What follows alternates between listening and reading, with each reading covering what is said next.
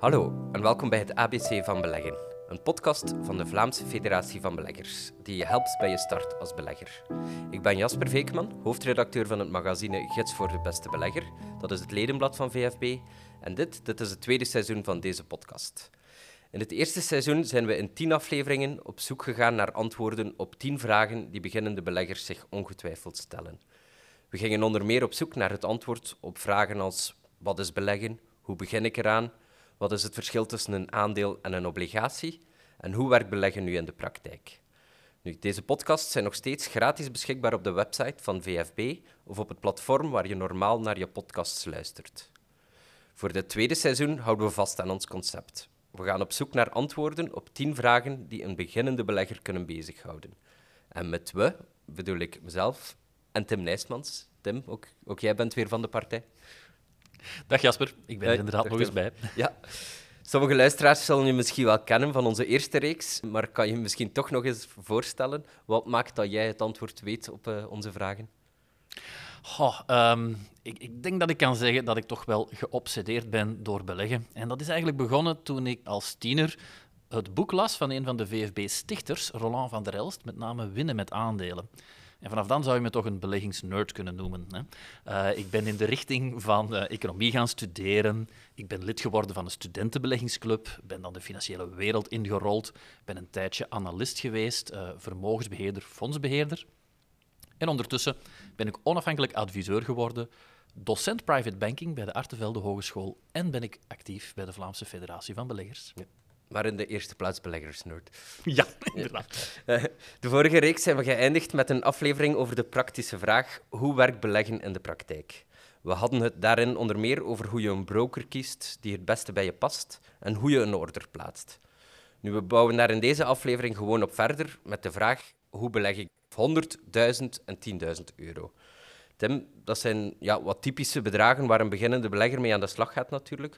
Maar vooraleer we de bespreking starten, moeten we misschien eerst een soort disclaimer meegeven. Hè.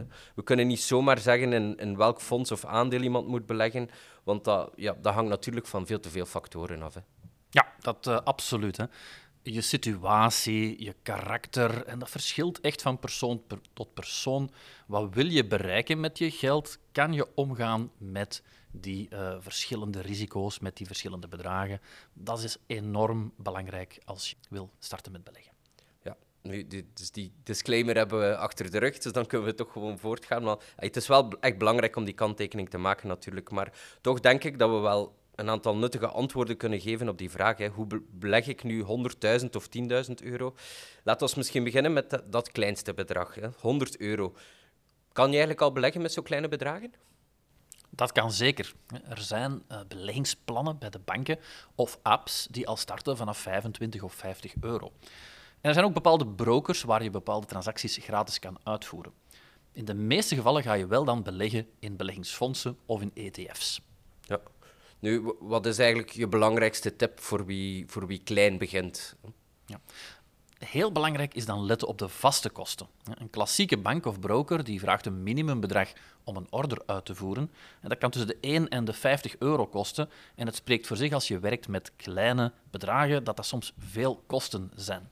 Ik las op Facebook in eh, de groep beleggen die ik beheer, dat er iemand één aandeel gekocht had voor 25 euro en dan een beetje verrast was dat daar 7,5 euro kosten voor betaald moesten worden. Ja, dat is natuurlijk 30% kosten die je moet terugverdienen. En dit aandeel moet dan ook nog eens verkocht worden voor waarschijnlijk ook een kostprijs van 7,5 euro. Dus je hebt dan eigenlijk pas winst bij een stijging vanaf 60 procent. Dat is een hele uitdaging. Ja. Nu, op, er, op het thema kosten gaan we een van de volgende afleveringen nog dieper in. Dus dan gaan we daar veel uitgebreider over dat thema praten. Maar nu misschien verder gaan, hè, waar we mee bezig waren. Uh, het volgende bedrag, hoe beleg ik 1000 euro? Met 1000 euro, Tim, zijn mijn opties dan al wat groter? Ja, inderdaad. Die zijn al wat groter, terwijl je met 100 euro toch meer in een vaste structuur zal terechtkomen waar je eigenlijk niet veel keuze hebt. Heb je met 1000 euro iets meer vrijheid om te kiezen welk fonds, welke ETF of misschien zelfs welk aandeel je gaat kopen. We, hebben in de, de, eerste reeks ook gesproken over het belang van spreiding. Nu, kan, kan je met 1000 euro ook al beginnen nadenken over die spreiding? Ja, spreiding kan je gelukkig bereiken door een hoop verschillende beleggingen te kopen. Ehm, en de eenvoudigste manier om zo'n korf van aandelen te kopen is via een beleggingsfonds bij de bank of via een beursgenoteerd indexfonds, de zogenaamde trackers of ETF's. Kies je graag voor aandelen, dan is 1000 euro in een, bijvoorbeeld een holding of een investeringsmaatschappij ook een ideale eerste aankoop. Ja.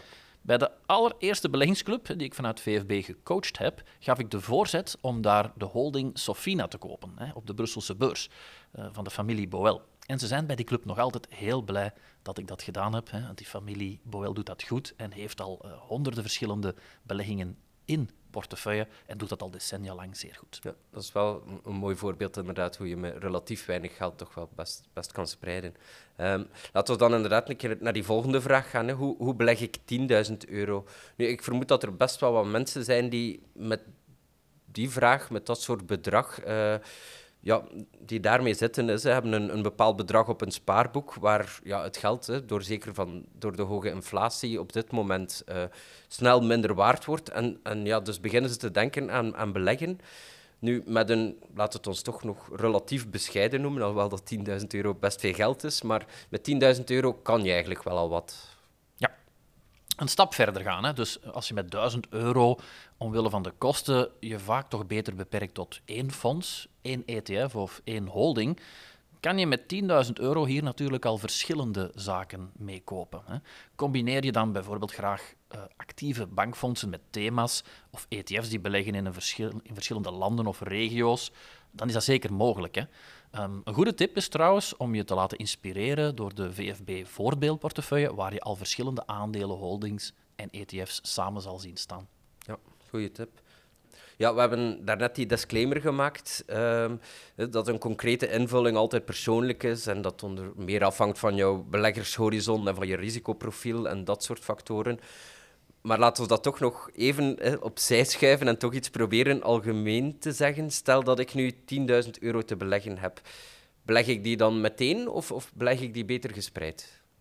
Dat is een van de meest gestelde vragen die beleggers hebben. Hè. Wanneer begin ik te beleggen en hoeveel begin ik te beleggen? En ook academici, hè, dus professoren, hebben zich daar al uh, ja, decennia lang uh, het hoofd over gebroken. En uiteindelijk zijn de academici tot de conclusie gekomen dat als je tijd genoeg hebt, dat je beter alles ineens belegt.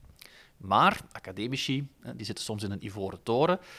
Als adviseur heb ik gemerkt dat als je dat doet en je hebt de pech dat de markt juist relatief hoog staat en terugvalt, dat het zeer moeilijk is om daar als persoon emotioneel met je karakter goed op te reageren. Dus laat ons zeggen dat ik zelf gemerkt heb dat je in de praktijk beter een mix maakt hè, van ineens een grote som beleggen of en daarna regelmatig extra investeringen doen, zodat je een gemiddelde prijs creëert bij je beleggingen. Dat is toch meer een, een praktijkgerichte oplossing, denk ik. Ja, er is een verschil nog tussen wetenschap en praktijk, snap ik. Ja. Uh, als we nu eens opnieuw alle kanttekeningen even daar gelaten. Um, hoe zou zo'n portefeuille van, ik zeg 10.000, maar van een paar duizenden euro's, hoe zou zo'n portefeuille voor een beginnende belegger, voor alle duidelijkheid, hoe zou zo'n portefeuille er kunnen uitzien? Ja, als ik dan een advies mag geven, zou ik denken dat een mooie mix van een aantal breed gespreide ETF's mogelijk is, met daarnaast bijvoorbeeld een actief beleggingsfonds dat een heel niche aanpak heeft, van bijvoorbeeld een kleinere beheerder, en daarnaast misschien een holding of twee die mix van die zaken, dat zou volgens mij een mooie startportefeuille kunnen zijn. Ja, zo'n fonds met een niche-aanpak, wat bedoel je daar precies mee? Wat zou dat kunnen zijn? Wel, dat zijn eigenlijk kleinere beheerders, dikwijls geen grotere banken, hè, die een heel unieke stijl of unieke beleggingsvisie hebben. En die proberen de beurs te kloppen door serieus af te wijken van die indexen. En daar, denk ik, zit het potentieel van, van beleggingsfondsen. Dat is dan gespecialiseerd in bepaalde dingen, bijvoorbeeld, of bepaalde landen of zo, bijvoorbeeld ja, groeilanden of, of robotics of dat soort uh, thema's dan of ja, zo. Dat kan inderdaad sectoren of thema's zijn, maar dat kan ook een bepaalde stijl zijn van beleggen, zoals de value-stijl er één is. Hè. Dus dat kan inderdaad in die richting gaan. Ja, oké, dankjewel. Uh, luisteraars van deze reeks zullen misschien nog wel weten dat we aan het einde van elke aflevering proberen een beetje samen te vatten wat, wat er te onthouden valt. Uh, dus ik, ik doe opnieuw een poging. Dus eigenlijk kan je eigenlijk wel al voor heel kleine bedragen beleggen, bijvoorbeeld zelfs voor 100 euro. Maar dan moet je vooral heel goed op de kosten letten. Uh, met 1000 euro kan je aan de spreiding van je portefeuille beginnen werken. Maar opnieuw, ja, kosten spelen nog altijd een grote rol, want het blijft een relatief klein bedrag. En met 10.000 euro kan je al een eerste echte portefeuille uh, beginnen opbouwen, bijvoorbeeld door te beleggen in een mix van ETF, holdings of fondsen. Dat vat het zo wat samen? Dat vat het samen. Misschien nog een klein beetje toevoegen. Hè. Misschien nog belangrijker dan die bedragen hè, is um, geduld hebben en volhouden. Terwijl dat je eigenlijk dat plan, dat beleggingsplan aan het uitvoeren bent. Tijd en regelmatig beleggen zijn eigenlijk essentieel om een goed resultaat te halen. Oké, nog een belangrijke boodschap. Nu, dan rest mij nog te zeggen dat we de volgende keer ingaan op alweer een belangrijke vraag voor beginnende beleggers. Hoe plaats ik mijn eerste order? Meer informatie over beginnen met beleggen vind je op onze website www.vfb.be. Vragen of reacties kan je kwijt via info.vfb.be. Vind je deze podcast leuk of ken je andere mensen die ook graag willen beleggen? Stuur hem dan gerust eens door of deel hem via sociale media. Tot de volgende keer.